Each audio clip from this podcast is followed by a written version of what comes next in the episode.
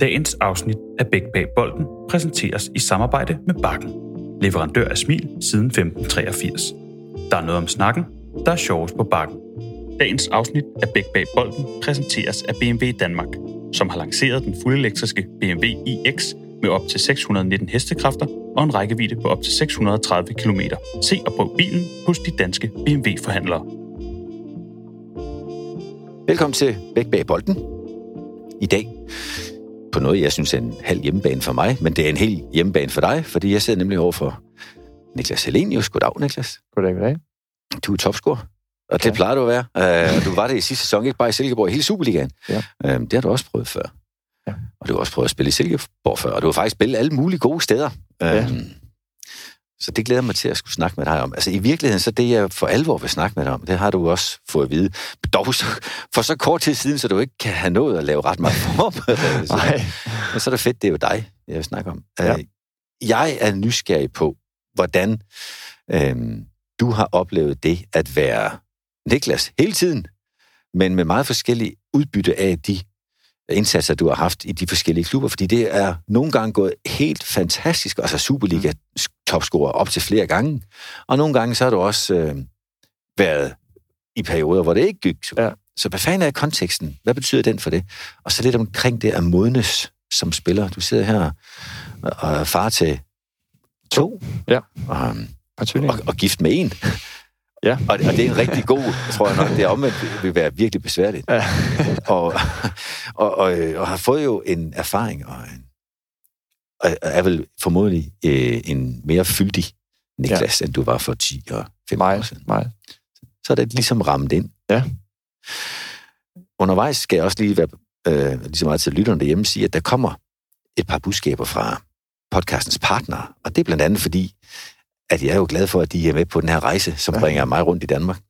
Som sagt, i dag til Silkeborg. Niklas, du er nordjyde.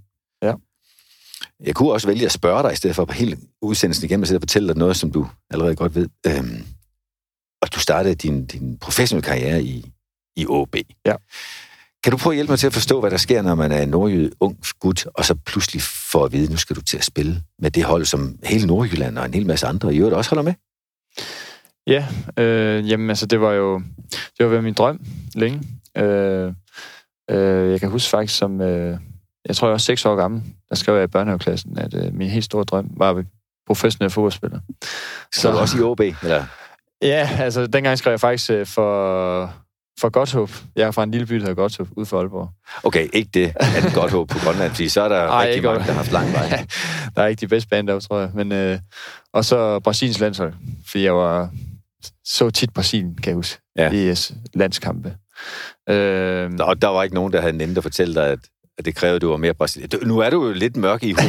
Det var meget ja, jeg har latino. noget fra min, øh, min far, han er meget mørk i huden og, og helt sorthåret faktisk. Så, øh, men ja, som, som du siger, som nordjyd, øh, man kan så sige, jeg har jo lidt halv øh, København-gen i mig, for min far er fra, fra København. Øh, ikke fordi han har boet over i så mange år, han flyttede ret tidligt til Godthåb, den lille by, jeg er fra, øh, lige for Aalborg. Øh, men øh, jo, altså det, jeg er opvokset i Nordjylland, og der er det der øh, med, at man er meget beskeden, og man er meget... altså, når du får et rigtig lækkert stykke kød og ret, så siger du, det er ganske udmærket. altså, du overdriver ikke tingene. Øh, men det var da kæmpe stort at blive professionel fodboldspiller, og det var helt min drøm. Øh, det var også en svær vej, øh, fordi jeg havde mange i...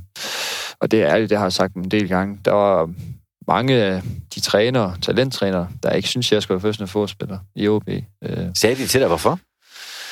Øh, ja, øh, jeg havde lidt, jeg havde lidt attitudeproblemer. Øh, jeg har altid været høj og lidt ranglet, og har altid på en eller anden måde set lidt sløv på den måde. Fordi jeg er lidt forberedt i mit spil og sådan noget, men jeg føler, at jeg bliver bedre. Det er jo, jeg føler, at jeg er lidt i et lavere punkt, end jeg måske ser ud til med min højde. Øh, øh, ja, og så havde jeg, jeg havde det der gen fra København, som min far også har. Øh, jeg troede virkelig meget på mig selv. Mm. Og jeg, når jeg synes, øh, jeg gjorde det godt, så var jeg heller ikke ked af at fortælle det og vise det, udstråle det. Og det er ikke lige det, der altid passer godt i Nordjylland. Øh, det er ærligt snak. Vil det sige, at du i virkeligheden måske har haft en nemmere vej igennem, øh, hvis du har spillet i, nu siger du selv København, en Københavnerklub? Øh, et eller andet sted, tror jeg, ja. på en eller anden måde, fordi øh, den der høje selvtillid der, den... Øh, øh, der var også, altså, det kan jeg huske fra dengang, jeg, de første par gange, jeg kom med på landshold og sådan noget, så så jeg mig lidt selv i Bentner faktisk nogle gange. Mm. Øh, med den der, man må virkelig gerne øh, også tro, man er noget, og være på den der lysrøde sky der, når det kører. Øh, øh, så ja, et eller andet sted nogle gange. Øh, men også med, jeg har også en del fra min mor. Øh, det er nok hende, jeg ligner mest. Og hun er ikke nordjyde, men hun er trods alt jyde. Øh, og der er også den der beskedenhed, og, og også mange følelser. Jeg har rigtig mange følelser. Øh, så et eller andet sted, så tror jeg også, at øh, man bliver også beskyttet lidt mere i øh, Nordjylland, i OB, mm. øh, end mange andre steder. Så det tror jeg også passer mig meget godt nogle gange. Men altså, der var ingen tvivl om, Lynge, han vidste godt, at man skulle håndtere, eller håndtere mig. Øh, og det var også ham i sidste ende, der troede på, at jeg kunne blive sådan noget. Han så nogle kampe i U19-ligaen og tænkte, ham der han er speciel, han er anderledes, han har det der angribergen. Nu er det også et fuldstændig nytteløst spørgsmål at stille dig, om du tror, du vil have haft en nemmere vej, til, hvis du vil spille i København, fordi det kommer jo aldrig til at bevise sig. Men det, der var min tanke, og som jo du nu også ved, ligesom er min røde tråd her, det er det med kontekst, altså miljø, ja. eller, eller lige præcis den konstellation, man er, man er en del af. Det kan sådan set både være det store miljø i klubben, eller regionen, som du siger, i Nordjylland. Det kan også være ja, lige ned til angrebsmakkeren, ja. hvis man har sådan en, eller træneren, eller hvem det nu ellers ja. der har indflydelse. Så, så det, det er jo det, der kommer til at kredse om. Ja. Du, nu var det i OB, du slog igennem, og det er på trods af, at du øh, måske ikke var sådan øh, klassisk nordjysk i mentalitet, okay. øh, og du fik meget hurtig succes. Ja. Kan du, kan du, øh, har, har du egne eller andres ord for, hvorfor at du så hurtigt blev en succes? Mm, altså topscorer. Ja, altså, jeg siger, der er, i den periode i OB var vi, øh, var den jo meget presset økonomisk, klubben. Øh, man havde jo lige været i Champions League i 8-9 og fået en masse penge, og så har man sat på noget college, som jeg også gik på. Øh, man smed desværre en masse penge i nogle bygninger og sådan noget, så vidt jeg husker, det var. Øh, så man var nødt til at satse lidt mere på ungdommen. Øh, man kan så sige, at den sæson, hvor de bliver mester i 7-8, der var der også en del af deres egne spillere med. Så det var måske en ny vej at, at begynde at gå lidt og satse mere på. Øh, så der er ingen tvivl, det brugt OB meget fokus på på det tidspunkt. Og så havde vi en rigtig god overgang i, øh, i 91 overgang. Øh, der var både mig og Kasper Kusk, øh, Jakob Almand og Mathias Wigman. Øh, og vi kom alle sammen op og spillede en del øh, ret hurtigt. Øh, Øh, for jeg var nødt til at skille lidt af de der løntunge, løntunge spillere, man har hentet ud fra, da man prøvede at satse lidt. Øh, satse lidt. Øh, så på den måde var det også lidt nemmere at komme hen, fordi der var lidt mindre konkurrence. Og, så der var mig og øh, Jeppe Kurt, og øh, så den song, første song, jeg med op, den var faktisk rigtig svær. Øh, det første halvår spillede jeg en, en, en del, øh, og scorer også øh, fem mål, tror jeg, eller sådan noget. Øh, og Kent kommer til som træner øh, halvvejs cirka. Jeg mener, det er jo start oktober eller sådan noget. Øh, hvor vi ligger, ja, hvad, jeg tror, vi har seks point eller sådan noget. Øh, og får spillet lidt og sådan noget, men vi ligger jo med 12 point i vinterpausen, tror jeg det er, 12 point, og, og så leger man øh, Duncan. Øh, og Ken siger også til mig, at øh, nu bliver det lidt svært med spilletiden, øh, på grund af øh, Jeppe og Duncan har meget mere rutine, øh, og det er også helt fair. Øh, så man skal også prøve, fordi vi havde et mål om at skulle redde os jo. Øh, det lykkes jo, helt, heldigvis. Jeg kan tydeligt huske de sidste par måneder, der er jeg allerede i gang med agenten, om jeg skal finde et andet sted, skal jeg spille første division og sådan noget. Det var den der sæson, aller sidste runde, ikke også, hvor, ja, hvor, hvor Esbjerg, spillede uafgjort i Randers. Præcis. Ja. Og de spiller hinanden ned. Ja. Øh, det var fuldstændig vanvittigt. Og vi, vi, vi jo kørt rundt ind i parken, ja. hvor I skulle have vundet guld, og vi er jo så 10-15 minutter efter de andre kampe, rundt af FCK har deres øh, sædvanlige ting med badedyr og sådan noget, når de har vundet mesterskab mm. derinde. Så de røg ind på banen nogle gange og sådan noget, de der badedyr. Øh, så vi blev forsinket. Så de sidste 10 minutter var en stor fest i parken. De havde vundet guld, og vi havde reddet os. øh, men efter den sæson, så var det meget ungdom, der blev rigtig meget sat på. Man reddede sig. Og, og så, når man kommer op også og har Kusk, Vigman, Alman omkring sig. Nikolaj Larsen mål har man spillet mod mig i ungdomsfodbold, og han kom jo også øh, lige der, hvor vi var professionelle. Øh, så, så er det også lidt nemmere, kan man sige. Det er også en grund til, tror jeg, at man slår igennem Det er nogen, man er vant til at spille med og har omkring sig. Det giver en eller anden form for tryghed også.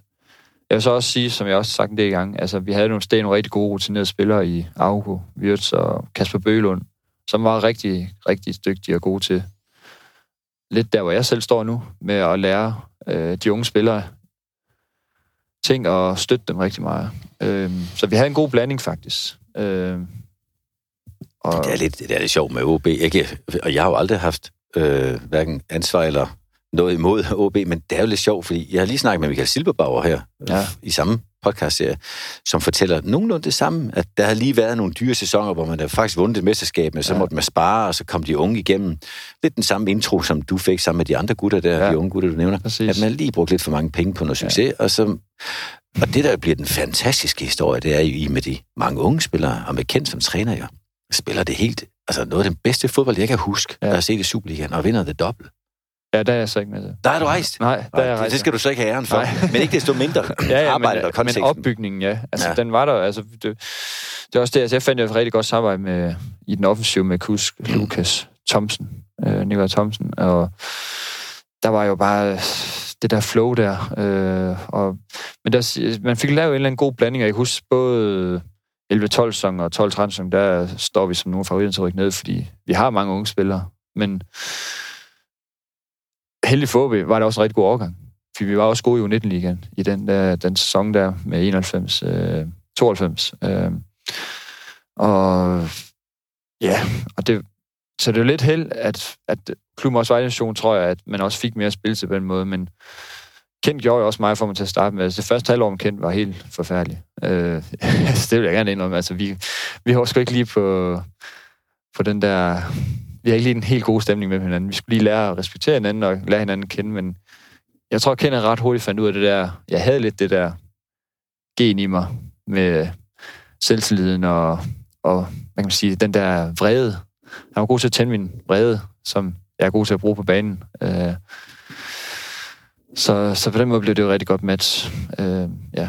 Jamen, er det, det er måske lidt tidligt i samtalen, men hvis nu det er sådan, er det nøglen? Er det nøglen til at, at låse op for dit potentiale? At finde ud af at ja. aktivere den vrede?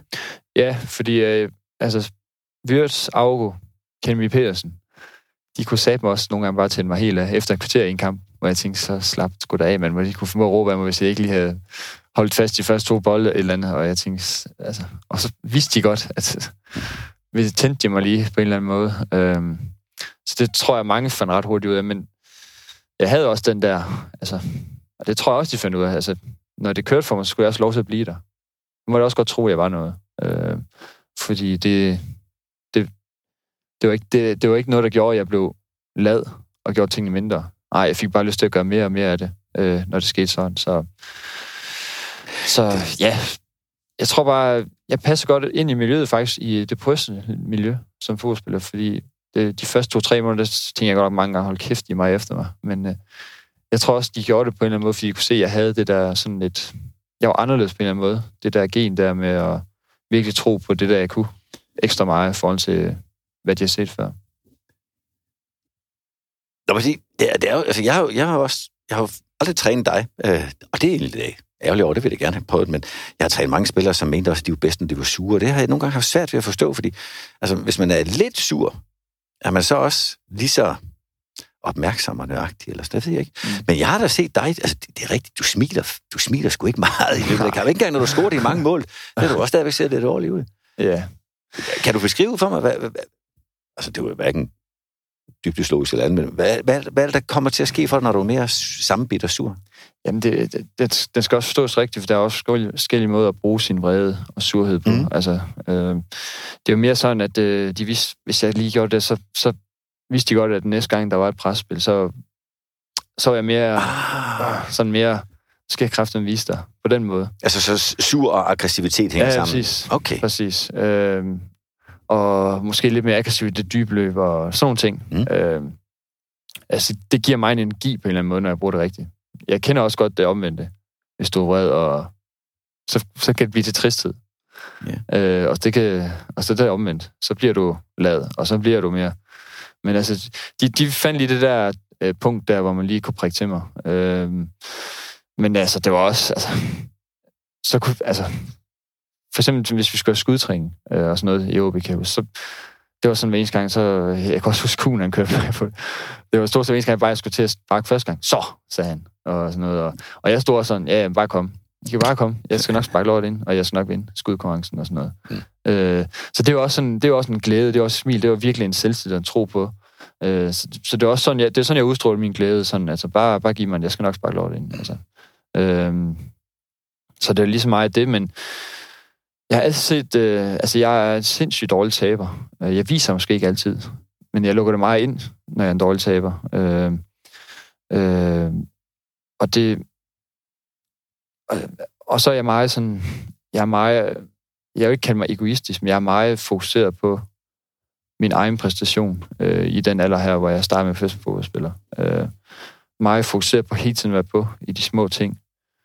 Og det kommer ud som en, ikke, ikke en...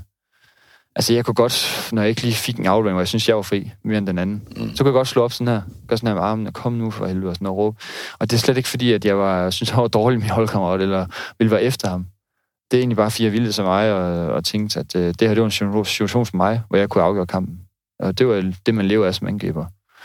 Så jeg, jeg tror godt, at nogle gange nogen kunne føle, at jeg var sådan virkelig sådan nogle gange slap af, du skal ikke have bolden hele tiden og sådan noget, men det er bare min måde at vise, at jeg egentlig var klar på, og, og, og energien og friskheden. Altså, det er lige så meget en glæde at vise øh, på den måde.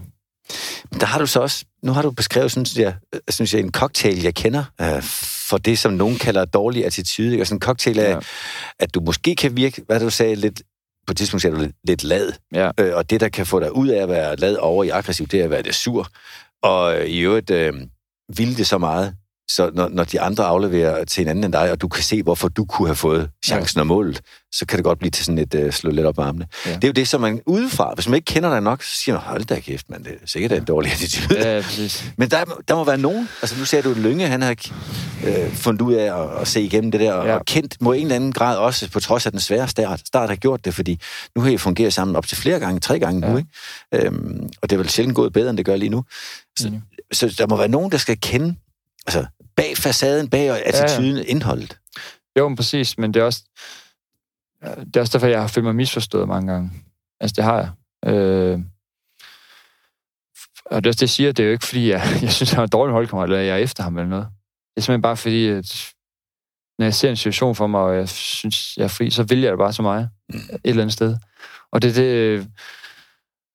Det er måske det er nogen, de tænker, at han, han spiller bare fodbold, fordi han kan, og han har talent, og han er ret god til det og det. Nej, jeg vil det faktisk rigtig meget. Jeg vil gerne opnå noget. Det har jeg sagt de sidste 5-6 år til mig igen. Jamen, hvad er det eneste, jeg ikke har prøvet? Det er faktisk at vinde noget. Nu har jeg vundet en topscore til, men jeg har det ikke vundet et mesterskab eller, eller en pokalturnering eller noget. Altså, det er faktisk det, jeg har sagt til ham. Kan jeg komme sted ind, hvor jeg kan vinde noget? Det har jeg faktisk sagt til ham de sidste 5-6 år. Øh, så øh, da vi taber semifinalen i, øh, i, i øh, pokalturneringen i AGF øh, oppe i Aalborg, Øh, der sidder jeg og græder bagefter, fordi jeg, nu føler jeg fandme, at jeg var så tæt på, så tæt har jeg aldrig været på at vinde noget. Øh, så ja, selvfølgelig vinder man også en bronzemedalje, men det står ikke førstepladsen. Og jeg har altid gerne været, været nummer et. Øh, det har jeg sgu. Øh, og jeg har altid været et øh, sindssygt konkurrencemæssigt. Jeg har altid spillet meget tennis, paddeltennis nu, øh, bordtennis, altså alle mulige sportsmænd, Jeg spiller golf, altså jeg har altid været nummer et. Og jeg kan, jeg kan blive sur hver gang. Også selvom jeg måske har spillet ganske fint, der er en, der er bedre, så bliver jeg stadig sur, ikke vinder. Øh, så jeg har bare det der i mig, at nogle gange så føler jeg mig, at, at øh, hvis han spiller mig der, så kan jeg vise, hvor god jeg var. Øh, og nu risikerer jeg, at jeg har jo også øh, stor veneration for både klubben her og dem, der holder med Silkeborg. Jeg er en af, en af dem selv. Jeg risikerer jo at bringe alle os sådan lidt på yderkanten af stolen nu, for jeg er næsten nødt til at spørge, når du har sidst 5-6 år sagt til din agent, kan jeg ikke komme i stedet, hvor du kan vinde noget? Og jeg har lige set, Ken Nielsen har sagt, at det er helt usandsynligt, at, at SIF kan udfordre for eksempel FCM og FC København. Ja. du, kan, du har allerede hørt spørgsmålet. Ja, så tror jeg til AGF, for det er noget i... ja, ja, ja, men eller, eller, eller ja. bliver du så i Silkeborg? Det, det er et dumt spørgsmål, fordi ja. jeg ved godt, hvad du siger som professionel, men, men man kan ikke undgå andet end at sidde og tænke, mm, er det her, du kan vinde det, der skal ligesom mm. sublimere din karriere? Mm. Man kan sige, at jeg opnåede noget ved at vinde topscore-titlen. Ja. Øhm, det, det var kæmpe stort. Det er jo noget, man gerne vil opnå som angriber. Øh, som siger, jeg har gået flere gange i den klub, jeg har været i, men nu har jeg vundet i Superligaen også. Øh, øh, jamen, kan man vinde? Kunne man vinde pokalturneringen i Silkeborg? Det tænker jeg godt, man kunne. Øh, sidste år, hvis vi havde slået Horsens, havde vi faktisk fået en, kan man sige, lidt nem vej. Så vi være over den der side, hvor OB var. Mm. Øh, så ja, det er svært at sige, men jeg har også sagt åbent og ærligt, at jeg har nogle drømme om sidste tur til udlandet. Øh, når man er oppe i alderen, så har man også lov til at tænke på, hvad man kan... De sidste drømme, muligheder, man måske kan opnå. Øh, jeg vidste godt, at hvis... Øh, det var derfor, jeg tog Silkeborg. Det jeg tænkte, det var Havax her, det havde bedst muligt for at få nogle fede sæsoner og finde et højt niveau og vise, hvor god jeg er. Øh, og det har lykkes meget godt, kan man sige. Øh, og så tænkte jeg, så har jeg en god alder på det tidspunkt til at, at få den sidste tur et eller andet sted. Jeg synes, min familie er klar til det. De, også, de siger også, de er klar. Og så den måde synes jeg, det er bedst med. Altså, jeg kunne godt have valgt noget andet Silkeborg tidspunkt, hvor jeg kunne også have fået meget mere på punkten. Øh, så alle dem, der tror, man bare vælger for pengene hver gang, de kan også godt glemme det. Øh, sportsligt var det rigtigt for mig der. Øh, men nu kan jeg også godt mærke, at jeg sportsligt også tænker, at hvis det rigtigt kommer nu, så vil jeg også rigtig gerne. Øh, det er ingen tvivl om. Nu skal jeg jo sige til dem, der måtte lytte til det her en given gang, og, og det er jo ikke givet, at de lytter på udgivelsesdatoen. Det kan blive om flere uger og måneder. Og i øvrigt så optager vi... Mm, der er det ikke den 7. juli. Det er sådan set ikke så afgørende for det hele. Andet end at transfervinduet er åbent, og der kan ske så meget. Så hvis der sker noget, som gør, at den her samtale lige pludselig bliver lidt anderledes, så, så ved folk nu, hvorfor. øhm, apropos det, og inden jeg vender tilbage til det med at, at, øhm, være i skiftende miljøer, så kunne jeg jo faktisk lige, med den sommerstemning, jeg selv lige mærkede med den 7. juli, godt tænke mig lige knytte an til noget af det, som jeg i hvert fald forbinder med min barndoms og ungdoms, øh, og nu også voksendoms glade sommerminder, nemlig at give plads til et budskab fra den her podcast, podcast partner, nemlig Bakken. Lidt med her. Hvad er personalepleje? At sætte dem i et konferencerum, eller at tage dem ud i det fri og lade dem more sig sammen med anderledes oplevelser. Bakken tilbyder masser af muligheder for teambuilding på en anderledes måde. Møder man husker, og frem for alt værdi for pengene. Med for eksempel Øllehatten er der masser af innovative tiltag, der skaber værdi for dig, dine medarbejdere eller virksomheden. Læs mere på bakken.dk. Der er noget om snakken, teambuilding, forretning og møder er sjovere på bakken. Ja, det er sjovere på bakken, og det er også sjovere øh, på, på toppen. Øh, jeg har spillet bak. Jeg kan love dig for, at det var ikke på bakken, det sjoveste var. Det var sjovere der, hvor du spiller, tror jeg. Men, men det, jeg godt kunne tænke mig at, at bruge din, din meget ærlige snak omkring øh, det at være parat til udlandet, eller det at vinde, vinde noget mere end en topscore til, øh, til, det er at øh, dykke ned i det her med, at du har jo skiftet klubben del. Mm. Og det er jo ikke atypisk for hverken miljøet, eller, og, og særligt ikke for angriber i øvrigt. Nej. Men øh, kan du hjælpe mig til at, at forstå, hvad det er for en vandring? Altså, er det din egen trang til at ville vinde noget? Hvad, hvad er det, der gør, at du har spillet? Nu skal jeg passe på, uh, du har skiftet klub rigtig mange gange. Nu ved jeg godt, at du kom til OB, øh, og fra OB mm. og tilbage og på leje og på permanent, og du har også været to gange i Silkeborg, først på leje og nu her, du har spillet både i, i Villa, Aston Villa og ja.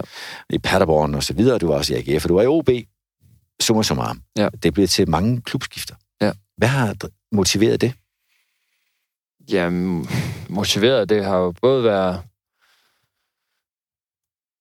Det har jo været lidt skiftevis. Det har jo både været på grund af succes, og det har også været på grund af ikke-succes, kan man sige, der har motiveret skiftene. Altså, øh, hvis vi tager den helt fra start så kan jeg huske første møde med min agent, øh, der var jeg 17 år gammel. Er det den samme, du har i dag? Det er den samme, jeg har i dag. Øh, 17 år gammel, og han kom, han var set mig til et eller andet skavkop op i Skagen, og synes at, øh, at jeg var anderledes, og jeg havde det der angribergen. Øh, Hvor lige beskrive for mig, hvad du forstår ved angribergen i øvrigt. Jamen, altså det der med, at man... Han synes, jeg så de der rigtige huller og sådan noget, mm. med at løbe de rigtige steder hen, og ja. havde den der målliste. Men jeg havde også den der udstråling af, at jeg troede fandme på, at jeg sparkede næsten alt ind fra alle vinkler, alle steder, og ja, det kunne han bare godt lide. Attituden. Han kunne godt lide attituden. Ja, præcis. øhm, så, og jeg husker på allerførste møde, der siger jeg til ham, at øh, jamen, helt stor drøm, det er at spille Premier League en dag. Og han tænker, så slap nu lige lidt af. Jamen, det er min drøm.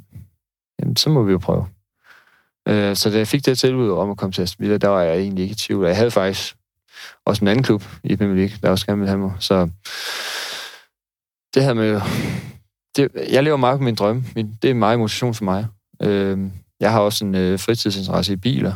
Det er også en, en, kan man sige, en hobby. Og det, det er jo, vi bor i verdens dyreste land med biler, ikke? Så, så der skal også lidt til for at få nogle ordentlige biler. Men øh, det er også noget, der, der motiverer mig at drømme. Og jeg har drømme om at opleve noget med min familie og sådan noget. Det koster også penge. Så det er sådan noget, der også motiverer mig. Øh, så jamen, Premier League var jeg slet ikke i tvivl om at sige ja til. Og jeg fik også en super start, og rigtig god succes, og så blev jeg desværre syg, som jeg har sagt om mange gange, af en bakterie, og ja, så gik det lidt ned ad bakke derfra. Øh, det er ikke til videre at stå i dag, Nej. hvis det ikke kan blive syg. Det er der ingen, der ved. Det ved jeg heller ikke selv. Øh, for det gik faktisk rigtig, rigtig godt, og havde faktisk lige fået at jeg skulle starte ind næste gang i Premier League. Weekenden før, fordi jeg har gjort det godt. Så det er svært at sige. Øh, så der kan man sige, at det var jo desværre en personlig nedtur, der gjorde, at jeg var nødt til at blive lejet hjem til OB, og skulle have to børn, øh, tvillinger, og så havde jeg skulle brug for at komme hjem for nogle trygge rammer, fordi øh, jeg skulle være klar til, mine to børn kom mm. ud, og være den bedst mulige far, og det var man ikke, når man var psykisk syg. Øh, så det var den støtte, jeg havde det, øh, brug for på det tidspunkt.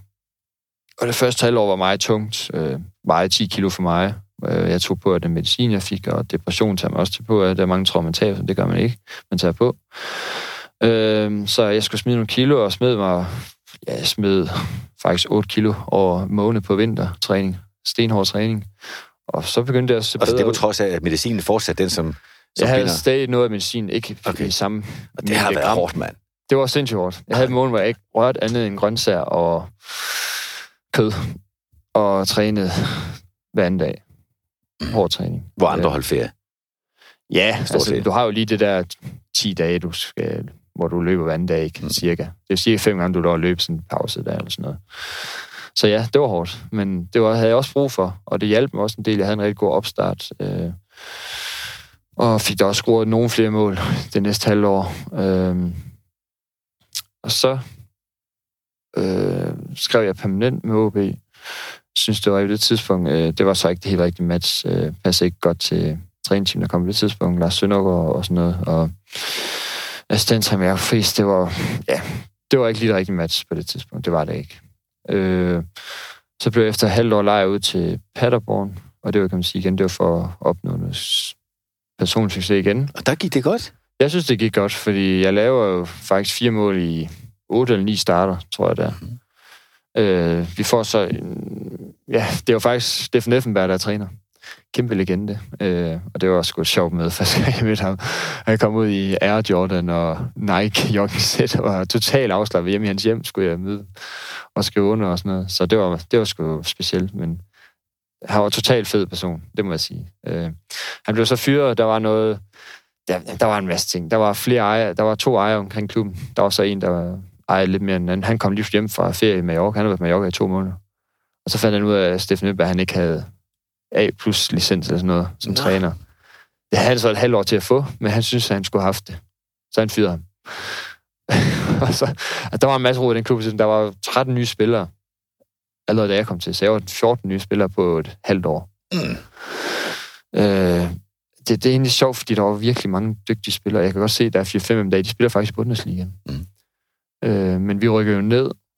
Vi fik en tysk træner, U19-træneren, tror jeg var U23 U19. Øh, og han så lidt mere den tyske vej, kan man sige. Han tog mig de tyske spillere. Jeg startede i de første fire kampe under ham, og så røg jeg så ud. Øh, startede så den aller sidste, hvor vi skulle vinde, og to andre hold skulle tabe, for vi kunne komme i playoff for ikke at rykke ned. Det lykkedes så ikke. Øh, så jeg synes faktisk, det gik rigtig godt, og jeg fandt det der tysk fodbold, det passer meget godt til mig.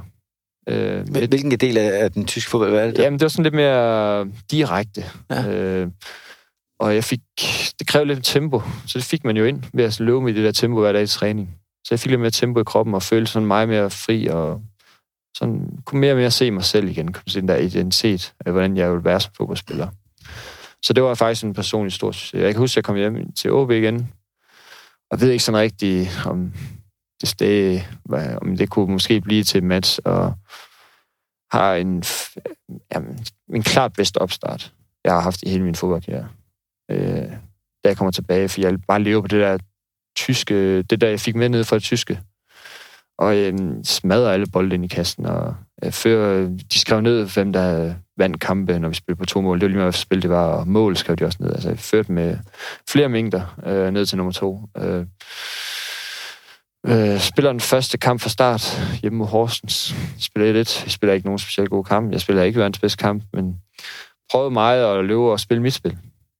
Men øh, så fik jeg besked om, at det, jeg skulle ligge op i værste kæde, og ligge og løbe dybt derfra, og, og løbe sådan der og sådan der, og jamen, jeg kunne bare slet ikke se mig selv i det.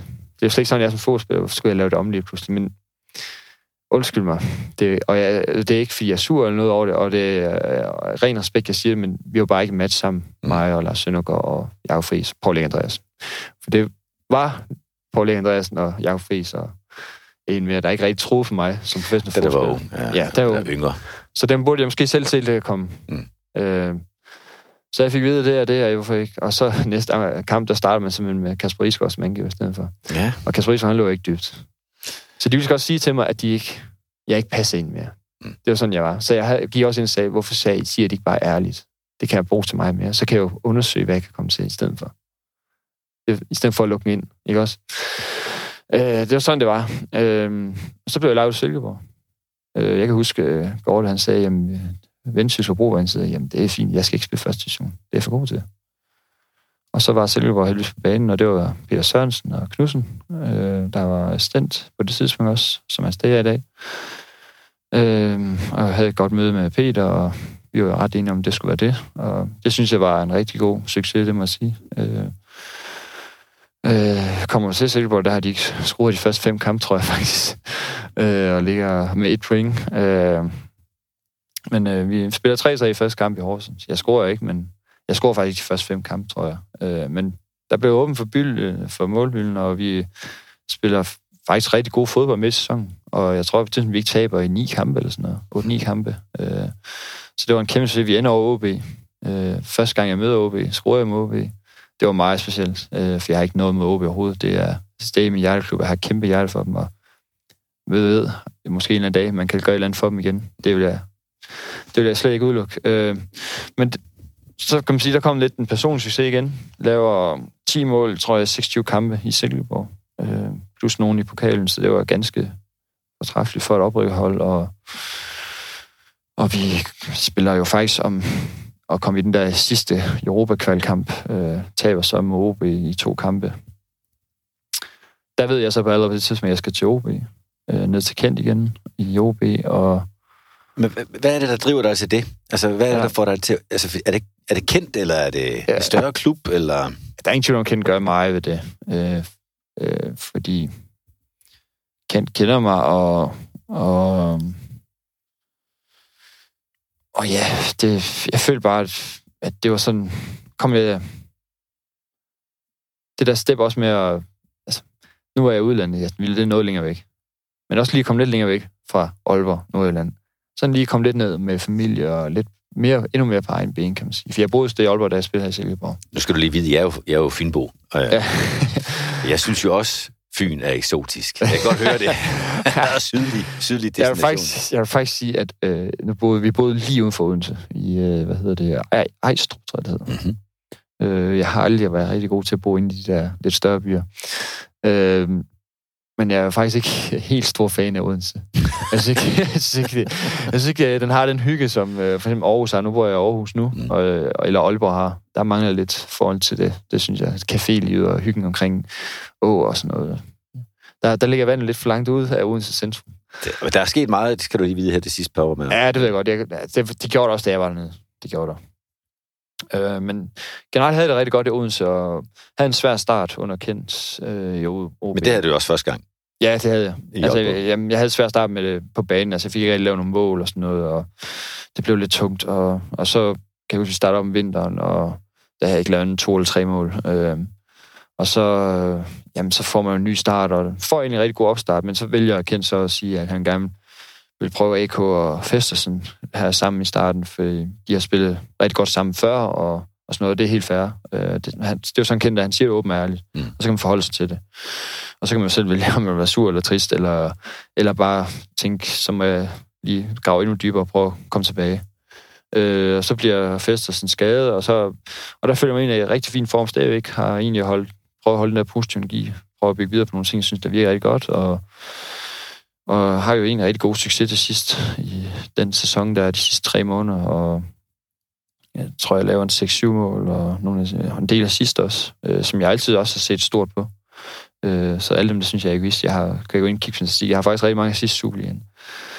Øh, og så kommer Jakob til, Mikkelsen, og fortsætter egentlig ret meget godt videre på den bølge der. Jeg tror faktisk, jeg laver 16 mål på et år der, fodboldår. Øh, en del straffer, men de skal sgu statsbakkes ind. Mm. Øh, og så, ja, så det går også, det går også lidt galt med Jakob, det gør det. Altså, vi, det, det passer sgu heller ikke så godt sammen. Øh, øh, det er sådan, at ja, efter jeg har haft den bakterie, jeg har haft, den er gået nervestim og sådan noget, jeg er meget sensitiv i min krop. Og det vil være resten af mit liv. Så jeg mærker ting lidt mere, end måske det er nogle gange. Altså som i smertefølsom ja, eller stemning? nogle gange, eller? ja. Og sådan, øh, tager meget, mange ting til mig, kan man sige. Ah, ja. Øh, øh, så ja, så der er ingen tvivl om, efter jeg har været syg, så har jeg haft brug for mere behandling nogle gange i perioder. Det er der ingen tvivl om. Øh, og det er ikke fordi, at det er skadet. Det er bare en, en, noget, der giver mig en god følelse. Øh, og, og det er det, jeg føler underkendt. Altså det er, han så pisse ligeglad med sådan noget. Så længe du er mellem linjerne derude, præsterer. Mm. Men det var Jacob ikke helt. Øh, og derfor var det ikke en match. Øh, altså han synes, du var for meget på Brixen? Ja. For det er en sætning, man har hørt i andre konstellationer også. Ja, ja. Øhm, men, men jo, jo, men altså, altså, hvis du drikker for meget kaffe på din arbejdsplads, hvis jeg synes som chef, at du drikker for meget kaffe, men du præsterede, så tror jeg ikke, jeg vil sige noget til det. Altså det her, nu skal jeg, lytterne må gerne vide, at nu er jeg under enorm præstationspres her, for jeg sidder netop og drikker kaffe, mens vi snakker, og, og, hvis ikke uh, samtalen lever op til dine forventninger, så, er det noget, så får jeg ballade. Ja. Men, men det vil så sige, at, at uh, og det skal jeg lige have vendt tilbage til om lidt, men lad mig lige få den færdig her, fordi så, så har du en situation, der minder lidt om den i OB anden gang, ja, altså ja. hvor du ikke rigtig matcher, eller ja. der ikke er et match med, ja. med cheftræner og trænerteamet Ja, og, og de prøvede også lidt, øh, hvorfor jeg ikke løb til forrest der, og hvorfor jeg ikke løb dybt der, og sådan noget. Altså, der måtte det heller ikke det der med at gå ned i banen, som bare en del af mit spil. Øhm, og det er også det, jeg sagde her, der var i slutningen af sidste sæson her, hvor der, man begynder jo at få en masse interviews, fordi man lige er topscorer og sådan noget. Øh, sagde jeg sådan, prøv her, hvis der er noget, jeg faktisk er pisse stolt af igennem hele min karriere indtil videre, så er jeg hele tiden været mig selv. Stå ved min egen side. Jeg skal ikke lade mig selv om fodbold. Jeg er den, jeg er. Og hvis det ikke kan bruges, så må jeg jo prøve at finde noget andet. Øh, og det har, det har jeg altså bare stået ved. Mm. Øh, og det er jeg glad for. Fordi det føler også, det er det, der gør, at så man kommer andet sted hen, at det er større chance for, at du så også får succes. Øh, fordi du står ved, hvordan du er. Øh, så ja, og så ringer øh, min agent har et godt forhold til AGF, han er for Aarhus også, og, og han ringer og siger, at AGF er interesseret, og Silkeborg også er interesseret på det tidspunkt. Øh, og øh, jeg synes, øh, det bliver spændende at komme til AGF på det tidspunkt, og øh, har en god samtale med, med David, og, og det synes jeg var et godt match. Øh, og får en ganske fin start i AGF også. Øh, jeg har et efterslæb med, jeg havde en del rygproblemer i slutningen af OB, øh, som jeg skulle have kommet tilbage fra. Og der var nogle rigtig dygtige øh, øh fyser, som også stod for en fystræning i AGF, som hjalp mig rigtig meget, og det gav mig helt sikkert også noget igen. Øh, fandt bare en rigtig god styrketræning til, at passe til min krop. Det er sådan, at faktisk første gang, jeg sådan rigtig har følt, at der var virkelig godt øh, øh, styrkeprogram til mig her, der virkelig passer mig.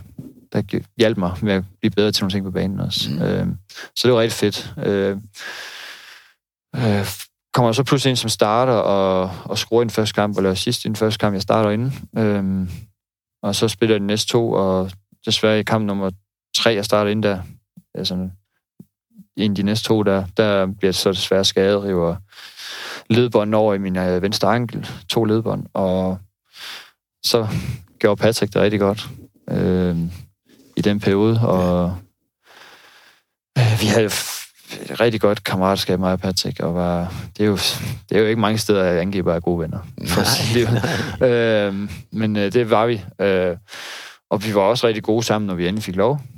Øh, det, er der ingen det var typisk sidst i kampene, som ja, jeg husker det. Ja, ja, det var det. Og der var jo nogle få kampe, jeg fik lov til at spille som tier. Tier, faktisk. Øh, fordi AGF kunne godt se, at jeg var spilintelligent også. Jeg er ikke bare en stor angriber, der skal holde bolden og lægge af og løbe ind i feltet. Sådan er jeg jo slet ikke. Altså Patrick og mig, ved en boksangriber med mig, der er han jo sindssygt dygtig i forhold til mig. Øh, øh, hvor jeg er lidt mere den spillende angiver. Jeg skal bevæge mig mig.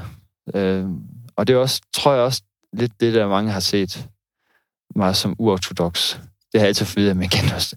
Mange øh, klubber ser dig som uortodox. Altså, de, de tror, du er en boksangiver, når du ser din højde og sådan noget, men det er du slet ikke. Altså, du er jo også intelligent spiller, der ser spillet, og det er også derfor, du har så mange assist og sådan noget. Øh, så, så de begyndte jo at se det med, at vi ville være gode sammen. Øh, fordi jeg er lidt mere flagrende omkring og sådan noget. Og, men altså, vi fik aldrig rigtig lov til at vise det over flere kampe. Det gjorde vi aldrig. Øh, desværre. Jeg tror, det ville være sindssygt farligt. For det viste sig jo stort set hver eneste gang, at vi får lov at spille sammen, så skruer næsten en af os hver gang. Øh, så ja, og så havde jeg sådan lidt... Ja, jeg havde en alder, som min agent også sagde. Altså, du har en alder nu, du skal bare spille. Du har ikke råd til at sidde på den der bænk mere. Jeg havde faktisk en eller anden lyst til at give det halvt år mere i AGF, men jeg kunne også godt mærke, at de der... Fordi jeg havde fået vide en del gange, David, at du kan ikke gøre mere du er så god nu, og du presser Patrick så meget hver eneste gang træning. Og mange gange så ser du også bedre ud, men Patrick gør det også bare godt, og det er også helt fair, men det er kun mig, der kan give dig i sidste procent, der sagde David, og det er ved at lade dig spille. Mm. Men når du er med at vente og vente og vente, vente position, så kan man også godt mærke, at der kommer den der dybe skuffelse ind i en til sidst. Altså der, der, hvor det bliver mere frustration ja, end skuffelse? det bliver frustration. Ja. Og jeg kan godt mærke, at det satte sig i min krop. Øh, jeg blev meget sådan, lige pludselig i en periode blev jeg rigtig tung igen, og trist faktisk. Sådan, altså, jeg har fandme været så sindssygt god. Altså, kan jeg for helvede få lov til at vise til mm.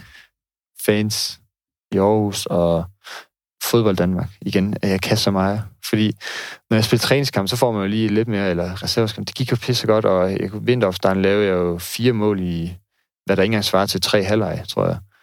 Øh, så det var sådan, åh, jeg vil så gerne vise det.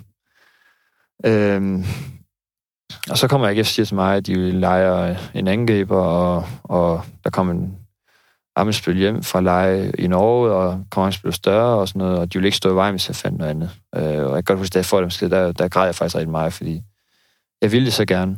Øh, men okay, øh, det gav mig også en mulighed for at sige, øh, fint, så må jeg vise et andet sted. Og så må jeg også vise, at I har taget kæmpe fejl. Øh, så ringede Ja, så var jeg egentlig ikke så meget i tvivl om, jeg skulle derfra, fordi jeg vidste godt, selv, hvor det var interesseret. Øh, jeg havde også nogle attraktive tilbud i udlandet på det tidspunkt, med meget mere løn, end jeg får i Silkeborg. Men øh, det var den personlige succes, jeg havde lyst til, som jeg sagde til lige før, at prøve at opnå for at få den sidste tur. Mm. Og det tænker så jeg, det var... du udsat faktisk en tur til udlandet for at få en bedre ja, tur til udlandet? Præcis. Okay. Det var sådan, jeg tænkte. Ja. Og, øh, og ja, det var... Ja, så ringede Silkeborg frem og tilbage, og jamen, AGF, de lå mig at gå for nærmest ingenting. Øh, så, så det var fint. Øh, og så kom jeg jo til her i første division, og laver 10 mål 13 kamp. Bliver så lidt overbelastet. Det var første gang længe, jeg havde spillet så mange kampe, kan man sige, for start og så mange minutter, så får lidt skade der, og starter så op i sommeren med igen lidt efterslæb, og spiller ikke de første træning i igen. Men så kommer jeg så i gang, og ja, så er historien derfra jo. Øh, sidste år, som var, ja, det sidste halvandet år har været helt fantastisk, altså. Øh, hvad, jeg tror, jeg har lavet 28 mål i, ja, ikke ret mange kampe. Så det er jo mega fedt, men lige så meget det der fedt, som du også siger, jeg har fået det anførbind på armen, og, og det var også lidt det, det tiltrækker mig også rigtig meget, da Silkeborg ringede, at jeg vil være den klart mest rutinerede spiller og ældste spiller. i truppen. jeg kan føle mig virkelig gammel, da jeg kom, øh, for at sige livet. Øh, men jeg kan også huske, hvor fedt det var, at Augo, Wirtz, Bølund, specielt Bølund, gav mig rigtig meget. Han boede på værelse med i OB. De gav mig så meget som ung spiller. Så det har jeg også lyst til selv, at prøve at vise det der, give noget af mig selv. Øh, og ikke bare være den der egoist, den der højere på den lystrøde sky, selvtillid og sådan noget.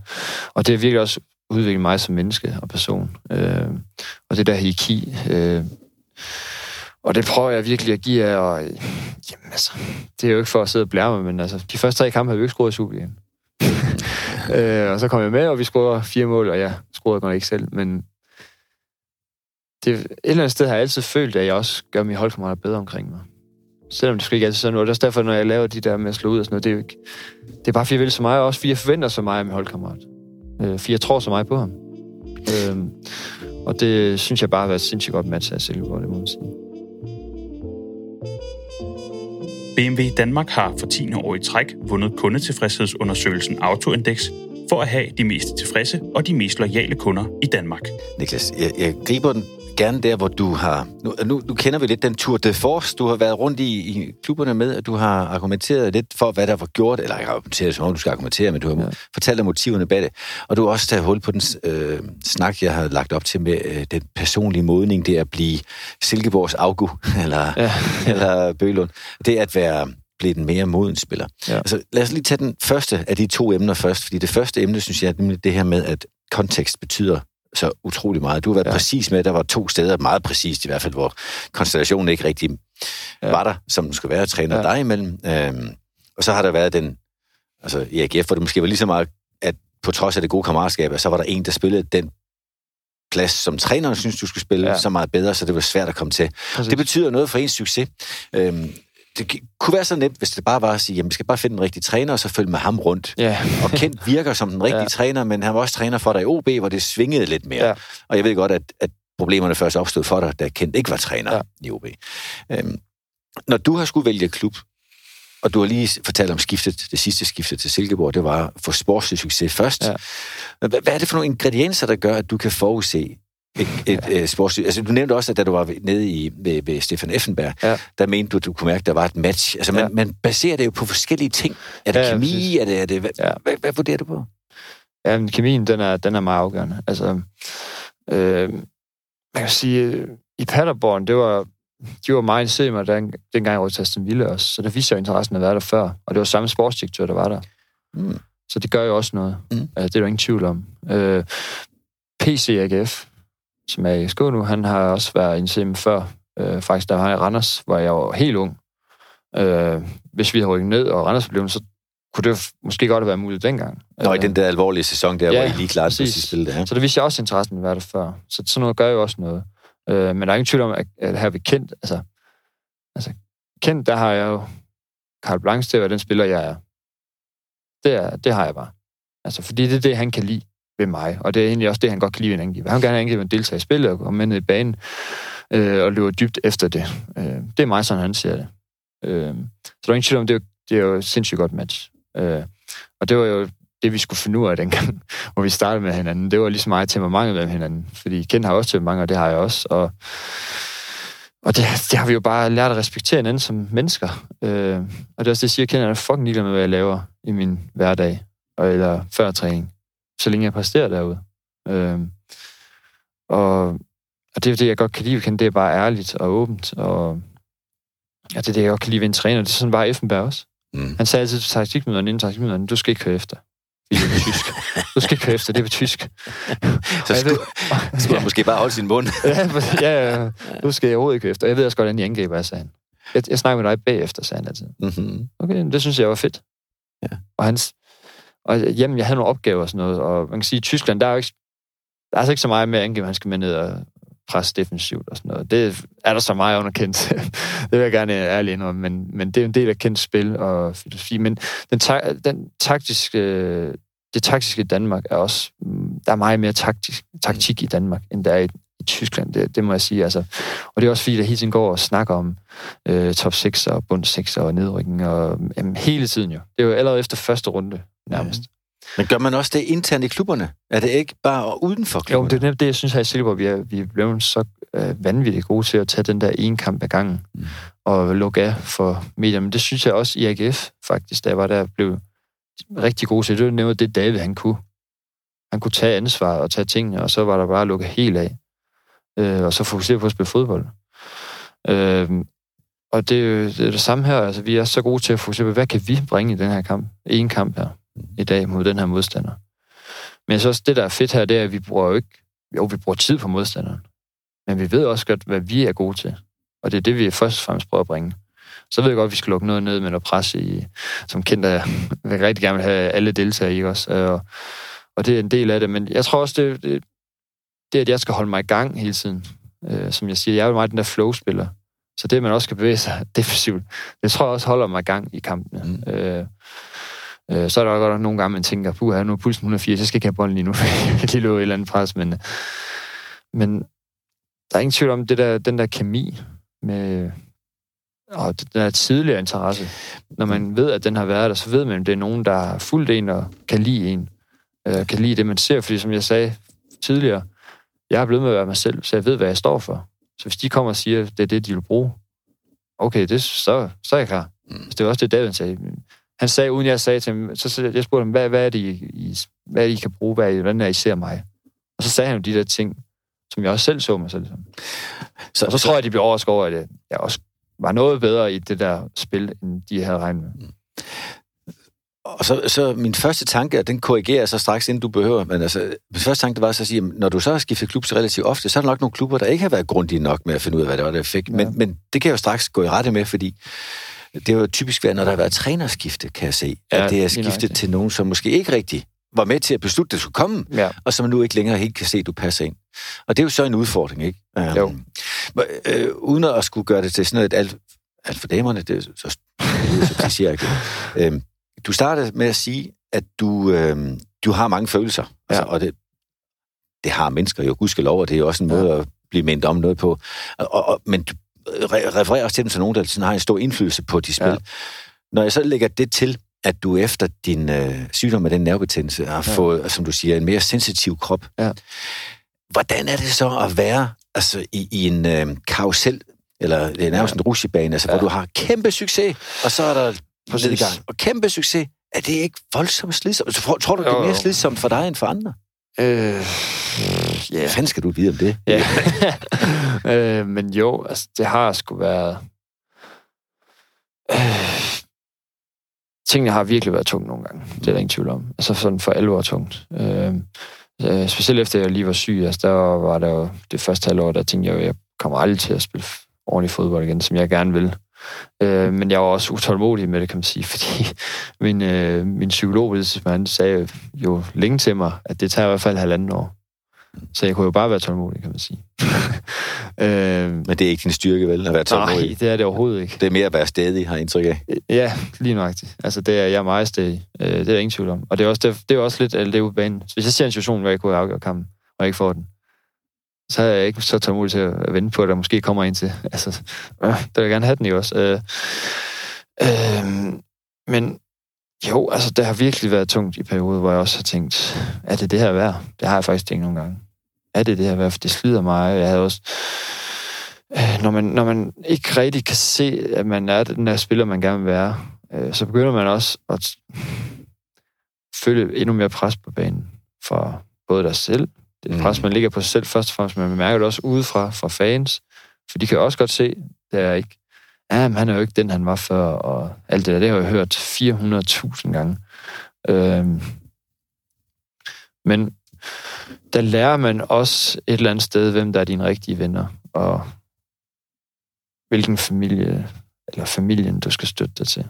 Fordi det er et eller andet sted dem, der godt kan se, at ham, der du var før du blev syg, han er der jo det, det ser vi jo hver dag et eller andet sted. Øh, og det samme med mine venner. Jeg har, jeg har altid haft meget få venner, øh, og har stort set aldrig rigtig haft sådan super gode venner i fodboldmiljøet. Altså, det har jeg ikke, som jeg ser mig privat eller noget. Det har jeg faktisk ikke. Og det er slet ikke, fordi jeg ikke vil, eller ikke, ikke øh, overhovedet gider at bare lukke det ned fra start af. Slet ikke.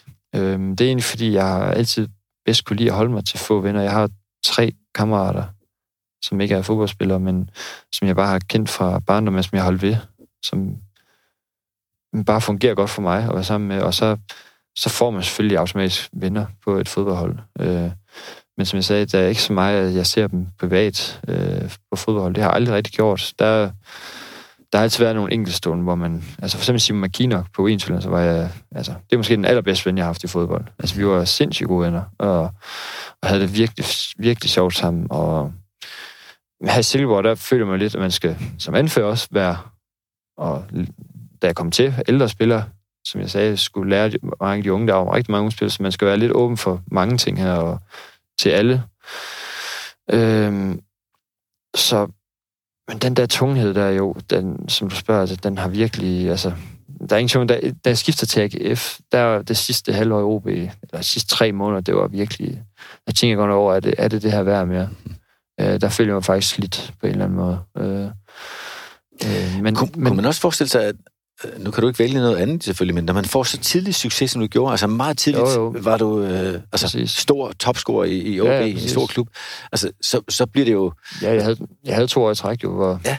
Jamen, det er rigtigt. Og der er ikke så langt til loftet, så det er, altså, der er til gengæld ja. meget langt til gulvet. Og... Jo, men det er også det, jeg har sagt med min, jamen altså, for eksempel Rooney, han kom ud allerede som 16 år. Ja. Ikke også? Han Ja, det er begge, begge Rooney'er i øvrigt, tror ja. jeg. Jamen, altså, da, han, da han kom over 30, der kunne man allerede se lidt, at det har også været slidsomt. Ja. Fordi han har været der noget tidligere end andre. Det skal man også huske nogle gange. Det samme med uh, Raheem Sterling, synes jeg også er et godt eksempel. Han slider sgu også lidt ting lige nu, men han er jo ikke ret... Så gammel er han jo ikke. Nej, Vel, altså, han har bare været med længe. Han har bare været med længe, ja. uh, så kan man tage Slarton, der, men han kan også gøre, hvad han vil, og han gør hvad han vil.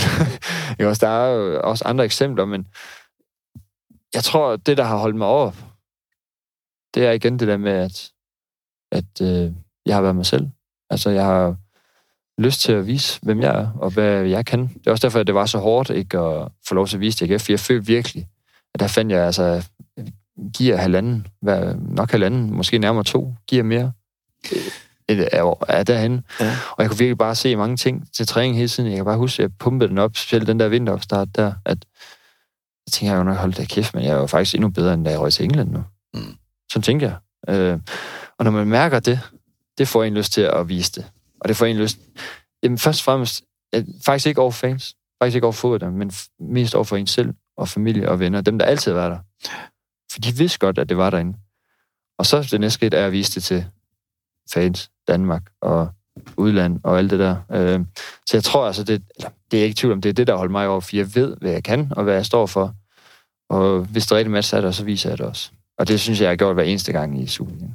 Selvom jeg spørger, og det, det er så det andet, det er for os det sidste emne, øh, jeg, sådan, jeg har haft kørende som gennemgående ting. Det er den der med at være altså, den unge spiller, der får tidlig succes. Man kan jo også sige, de unge spillere, der ikke får tidlig succes, de når som regel ikke at få lov at være med i lang tid. Det er sådan en anden ting, men ja. øhm, særligt for angriber, kan man sige, der, der bliver man tit meget optaget af sin egen position, fordi ja. man er individualisten. Og, øhm, og der er sket en modning her. Øhm, på den ene hånd har jeg nu her i mine noter, at du jo siger, at det er den, jeg er, og, og ja. en af dine store øh, triumfer, det er, at du ikke har ændret på dig selv. Ja. I den anden hånd har jeg, at du nu også er blevet ham, der samler op på teamen. På, altså, du anfører, du er gået fra at være den helt unge individualist til nu også at have et... Altså, det er jo kåringen af at være det kollektivs etter at ja. få anførbind på. Ja. Så der er jo en eller anden modning, der har fundet sted, mens du dog har bevaret dig selv. Hvordan, ja. øh, hvordan vil du selv beskrive den modning, når du er gået fra at være ham, der modtog afgu, og ja. det der var gode ja. råd, til nu at være ham, der giver den? Hvad, hvad er der sket? Øh, ja, hvad er der sket? Hold kæft, der er sket meget. øh, ja, nu kommer der et nyt afsnit. ja. Øh, ja, hvad er der sket? Jamen, Med dig altså? Jeg tror, jeg har set den der vigtighed i. Øh, altså, det kan jeg jo huske. Jeg kan huske vigtigheden i, hvor, hvor vigtigt det var for mig at have sådan en som Bølund på værelse med mig. Altså, jeg kom jo tit ind og havde sovet for lidt og faldt i søvn en time før træning ind på værelset, og han kommer væk og mig, nu skal vi altså ud og træne, og komme nu i gang, og vise mig, hvor festet man skulle være, og hvad der skulle til. Øh, men, og de viste mig også, altså, jeg ved også, hvor forskellige vi er som mennesker på en fodboldbane. Øh, for jeg har ikke behov for, øh, hver eneste gang, at nogen de stod og råbte skreg ned i den anden ende af mig, så alle kunne høre det. Det har jeg svært ved. Jeg har svært ved, når alle kan høre, at jeg får skæld ud eller sådan noget. Jeg vil gerne have, at de kommer hen og fortæller det. Så det lærte de også, og vigtigheden af det.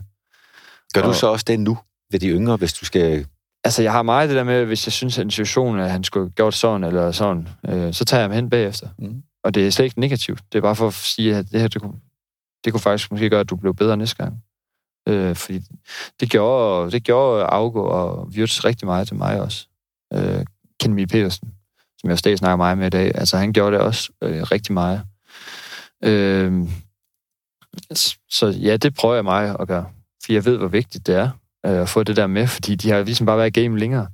Og, men der er heller ingen tvivl om, det at være blevet far, det modner en rigtig meget som menneske. Altså, man finder ud af, at der er altså også andet end fodbold. Øh, så det giver på en eller anden måde også et overskud til at give noget til andre, faktisk.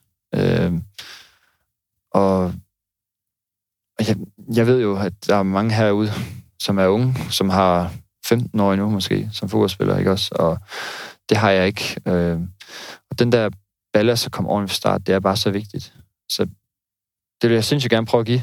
Og det, jeg har stadigvæk de dage, hvor jeg slår ud med ham, hvor jeg kan blive sur og, og vred, men det, det er simpelthen ikke noget negativt mod andre, for jeg kan virkelig lide alle personligheder her i Silkeborg. Vi, vi har det fantastisk sammenhold her, øh, og bare en god blanding af, af alle mulige slags mennesker, der har hver sin interesse, men der er plads til alle. Øh, og jeg tror bare, det er også en øh, drøm, faktisk, og en, noget, der giver mig noget energi og agerighed øh, om at give noget videre til andre. For jeg føler, at jeg har bare givet ham to sind at sige, hvis du gør sådan der, så, så vil du gøre det anderledes næste gang, og det vil blive bedre og sådan noget. Så hvis han tager det til sig, og jeg kan se, at han forsøger, jamen, det giver også mig noget. Og det er også det, jeg siger, altså, det Sebastian og Valles har givet mig, det er helt sikkert også den der ungdoms gå på mod. Øh, nu er Valles ikke så ung, men han er ung i, hvad kan man sige, Superliga i Danmark. Mm. Øh, øh, og det føler jeg et eller andet sted, jeg også gav de ældre spillere, jeg er ung, for jeg kommer også bare og virkelig troede på tingene, og, og det og det, og altså man kan se, de tager ikke altid tingene lige så tungt, fordi, øh, eller de tænker ikke lige så meget over tingene. Jeg kan huske, at jeg jeg tænkte aldrig over en skid. Det er rigtigt. Måske sin egen præstation, og så ja. når man bliver ældre, så tænker man meget over de andres. Ja, præcis. præcis. Det, det er faktisk en god måde at forklare det på. Øh, så de har også givet mig sindssygt meget, fordi den der følelse af, at vi gerne vil gøre hinanden bedre, den føler jeg bare, at vi har hver eneste gang. Mm. Jeg plejer gerne at sige om en, en fodboldtrup, at den er, øh, sundheden af en trup kan du se på, hvordan de to-tre øverste i et hierarki, ja. de opfører sig, og så dem, der er nummer 12-15. Ja. Fordi deres svar på situationen ja. fortæller rigtig meget om stemningen. Og ja. jeg kan høre på dig, at du er i top 3, og du ja. hjælper dem, der er 12-15 lige nu også. Det, det synes jeg, jeg forsøger at gøre. Altså, jeg kan huske, øh, som Pelle... Øh, han, Han, ja, Pelle Madsen, han kæmper jo røven med bukser med en træning, og han har jo bare en sindssyg energi, og, og jeg synes faktisk, de sidste to måneder, inden vi gik øh, ind, i sidste to måneder af sidste sæson, der synes jeg, han gjorde det rigtig godt, og lavede nogle sindssygt gode indhop og sådan noget. Det fortalte jeg ham også. Altså det der, det vi brug for, fordi der er mange kampe, og nu den her sæson kommer der endnu flere kampe. Så jeg prøver også at fortælle nu, at øh, der kommer altså, der bliver mere spilletid til folk, fordi vi har mange kampe. Øh, så, så man skal også være klar, øh, og det er nu muligheden kommer. Men det er også med at slå til. Og det er desværre. Det er desværre. Nu har jeg muligheden, så, så kan du... Det er der ingen, der siger, du, som du er som menneske. Du kan jo ramme øh, et for højt spændingsniveau til en kamp. Og så lykkes tingene ikke. Uh, ja, det er rigtigt. Eller for lavt. Kan, eller, eller for lavt, ja. ja. Eller ikke også. Og, og, det, og det er lidt det, jeg også prøver at fortælle. Altså, når jeg prøver at sige, gør det der, det der, fordi det, det, det er det, du er god til. Prøv at bringe det og det. Og, og, og så fuck, om du laver fejl. Altså, det er en del af fodbold, det er altså at lave fejl. Du kommer til at lave mange fejl i din karriere. Og du kommer også til at høre for det for Kent. Men det er sådan Kent der. Når Kent han står med at sige noget til dig, så, så har, du, så har du problem. Den har man øh, hørt nogle gange. Ja, fordi, og, det, og det, det, prøv at fokusere på det. Der er en grund til, at du også får chancen. Det skal man huske. Mm. Det er fordi, du har gjort noget rigtigt. Øh, og så er man skal prøve at bringe det, man er god til, og man skal ikke tænke over, hvad kan gå galt. Og det er så også jeres situation nu i SIFA til den kommende sæson. Altså pludselig ja. er der kommet forventninger. Og det er jo fordi, I har gjort noget godt. Ja, øh, absolut. Og, og, og jeg tænker, nu har jeg jo en fornemmelse af dig. Jeg tænker ikke, det er noget, der påvirker dig. Altså, forventninger, men, men hvad, tænker, hvad tænker du om situationen, I står overfor her? Øh, altså, jeg har jo prøvet at spille europæisk med OB. Mm. Øh, så hvad det nu bliver, det, vi kan også stå i Europa League. Øh, eller, eller det bliver, det, vi har jo sikkert Conference League. Øh, det er jo Jamen, det er jo sindssygt spændende. Altså, det er sådan, jeg ser det. Altså, det er jo en kæmpe mulighed for at vise sig frem. Det er sådan, jeg tænker. Det er ikke muligt for at fejle. Det er muligt for at vise sig frem. Fordi der kommer altså nogle flere klubber og kigger. Og de klubber, du spiller mod, det kan også være en klub, der kan tænke, hold da kæft. Ham har vi virkelig set. Ham vi, ham vi sgu interesseret i. Øhm, sådan kan jeg selv huske en gang, hvor jeg, Sporting Lissabon var meget tæt på at købe mig på et tidspunkt. Og det var faktisk, fordi de skulle se AC Horsens. De skulle møde dem i europæisk kval. Ah, ja. Og så så de mig, og de tænkte, hold da kæft. Ham havde de ikke set før, og det, så var de faktisk meget tæt på at købe mig. Øh, øh, det var faktisk mig, der sagde nej i sidste ende. Øh, så jo, man tænker over, at man har haft den der succes, men nu har jeg også været i game så længe, og jeg har haft, haft personlig succes i en 3-4 rigtig gode sæsoner, som var tingene har peaked. Øh, og selvfølgelig endnu mere sidste sæson. Det er jo selvfølgelig den sæson, hvor jeg har peaked mest, både for mig selv, men også den, i klubmæssigt med det hold, jeg har været med. Øh, så jeg ser det mere som mulighed for at vise, at det ikke var en tilfældighed. Øh, fordi Præcis. det var også det, jeg sagde hele sæsonen. Det var ikke tilfældigt, at vi blev nummer tre. Jeg synes, det er den mest fortjente bronzemedalje, jeg har set i den tid, jeg har set fodbold. Fordi vi gjorde det på vores egen måde hele vejen igennem. Hvor, jo, altså i AGF gjorde vi også meget på vores egen måde, men det var bare ikke lige så tydeligt, hvordan man gerne vil spille fodbold. Det var meget power og høj pres og masser af indlæg. Og, ikke også? Og, øh, her, der var bare en fast, tydelig spillestil, og, og det var fuldstændig lige meget, hvem vi mødte. Øh, der er vel kun én kamp, hvor vi har stået rigtig lavt. Det var ude mod Brøndby den første gang, vi var derovre i Superligaen. Øh, ellers så har vi skulle bare udvikle os, og også blive mere og mere modige, og mere og mere agerige ting, fordi vi kan se, at det virker, det her. Og ved du hvad, som Silkeborg-fan, og nu holder jeg med rigtig mange hold, nogle af dem spiller, nogle af dem spiller du også imod de hold, jeg holder med, det må jeg så også alle men som Silkeborg-mand, så er man jo også rigtig, rigtig begejstret over måden, de har klaret det på. Ja. Og jeg er også rigtig begejstret over, at du har delt, altså noget har jo været en meget stærk personlig fortælling også om, øh, hvordan det er at være Niklas i med- og modgang, og det, det har været det har været vidensrigt for mig, så det skal du have tak for. Nu skal du have held og lykke vende. Det bliver med det større vindue i Europa med Silkeborg, eller det det store skifte, der kommer. Det sidste store skifte, der kommer. Det ved ikke, hvad sker. Nej, det ved vi nemlig ikke. Tusind tak, Niklas, for Selv tak. Tak for med. Det må du, og det må I, der sætter lytter med også gerne hver tirsdag. I kan skrive ind på trospekt.com, hvis I har emner eller steder gæster, I synes skulle passe ind.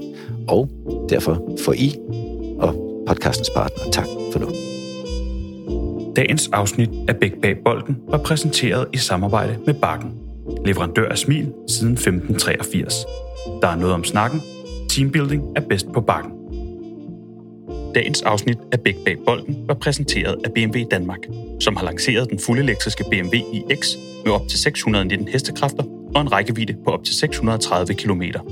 Se og prøv bilen hos de danske BMW-forhandlere.